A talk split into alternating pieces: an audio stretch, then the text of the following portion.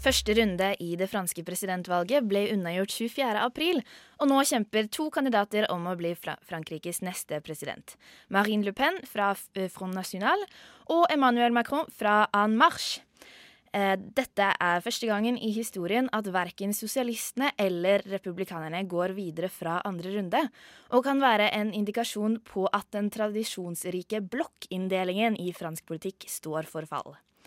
Den sittende presidenten Francois Hollande fra Det sosialistiske partiet er den mest upopulære presidenten i fransk historie.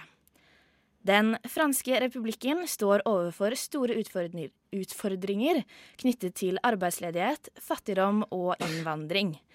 I tillegg har Frankrike vist seg som et yndet terrormål for radikaliserte islamister, og politikerne sliter med å garantere sikkerhet for sine borgere. Det franske folk har stemt, og resultatet tyder på at Frankrikes befolkning er klar for en ny politikk.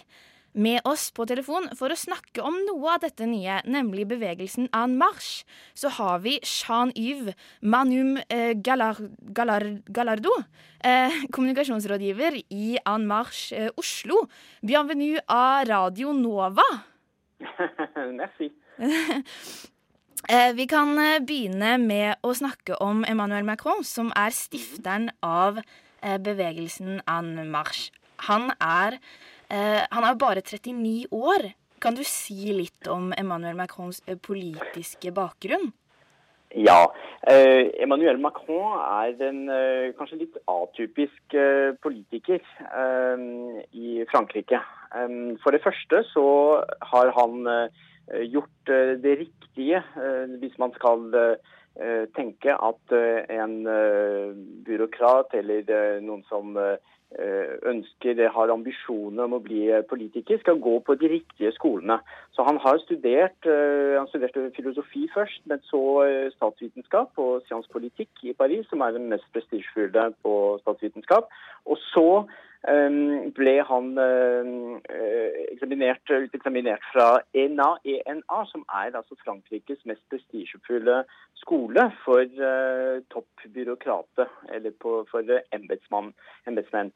Og Det er uh, den, den, riktige veien hvis man skal uh, nå de øverste altså, posisjonene i staten i Frankrike. Men, men, ja, men sånn, hvilke, i politikken, hva er det han har gjort her, egentlig?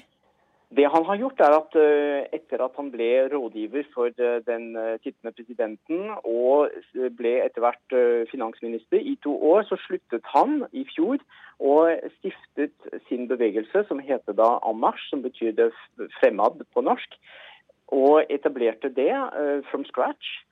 Og fikk etter hvert ganske mange medlemmer. Nå er det 250 000 medlemmer. Man trenger ikke være betalende medlem for å, for å være medlem, for å si det sånn. Um, og man uh, Altså, han har klart noe som uh, faktisk ingen trodde uh, kunne være mulig på så kort tid. Nei. For mange måneder siden, for noen måneder siden så var det ingen som trodde på at Amash skulle få så mange medlemmer, og at de kunne nå så langt i presidentvalget. Nei. Altså, Hva er det egentlig som er nytt ved Amash sin politikk? Det som er nytt, er at eh, det er for første gang en uh, sterk uh, kandidat i sentrum. Altså Han har etablert en bevegelse som ikke er fra venstresiden av fransk politikk, altså sosialistene og kommunistene, kan du si. Og heller ikke fra de konservative, eller Républicains, som de heter da.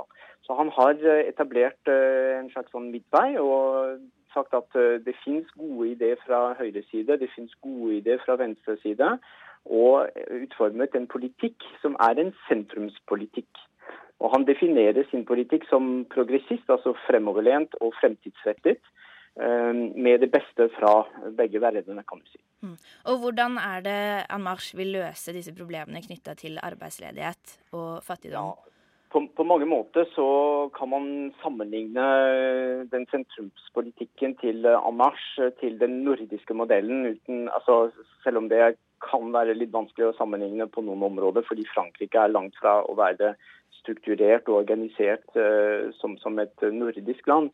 Samtidig, det som er viktig for Macron, det er å innføre en mer liberal politikk når det gjelder næringslivet.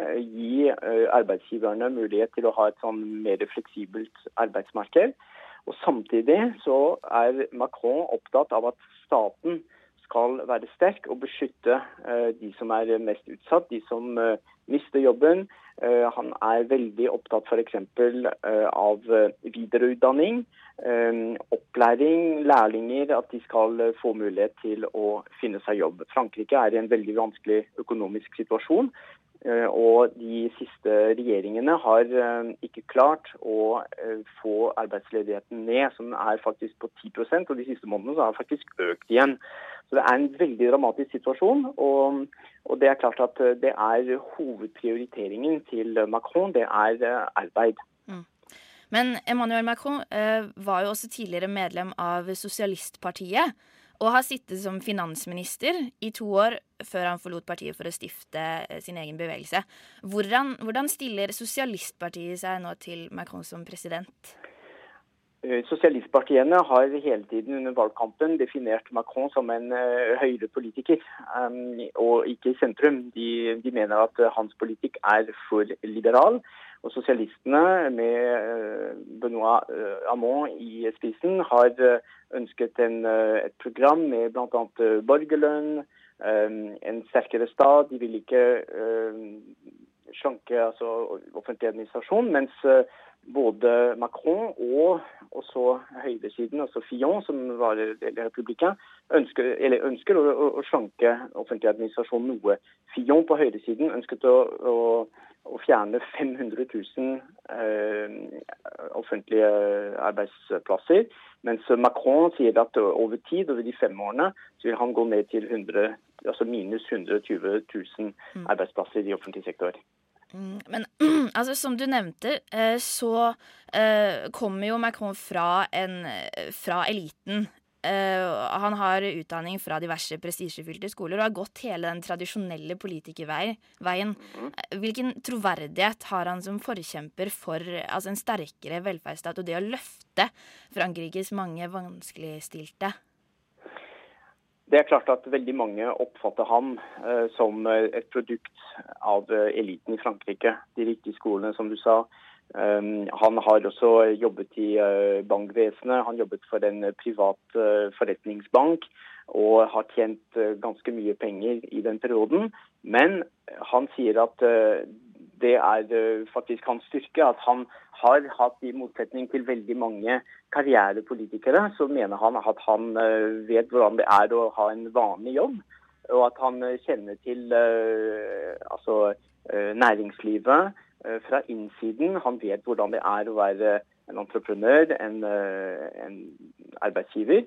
Så, så han, han, spiller det for, eh, for, alt det er verdt. Han bruker det for alt det er verdt og sier at ja, han har gått på de beste skolene, men han er opptatt av franskmenn flest, og opptatt av også de som har mistet jobben sin, og som har eh, havnet i veldig vanskelige situasjoner. Mm. Men det er klart at for, for mange i Frankrike så oppfattes han som et produkt av eliten. Og det, det, er klart at mange vil jo si at det er en svakhet, men sånn er det bare. Mm. Noe annet han kan synes å benytte seg av, er jo eh, sin kone. Eh, eller han, han, er jo gift med sin tidligere lærer fra videregående som er 24 år eldre, og har jo med, tok med seg henne etter at han kom videre fra andre runde på scenen. Um, og det sies at han når han da klarte å overtale eh, Brigitte Tronot til å gifte seg med han, så klarer han også å overtale Frankrike til å gjøre han til president.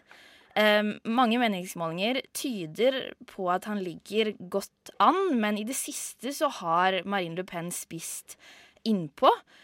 Hvor sikre er dere i En Marche Oslo på at han kommer til å vinne? Vi er slett ikke sikre på eh, noe seier, og vi tar eh, ikke seier for gitt i det hele tatt. Det er en eh, veldig tøff eh, valgkamp. Det er en veldig tøff andre runde.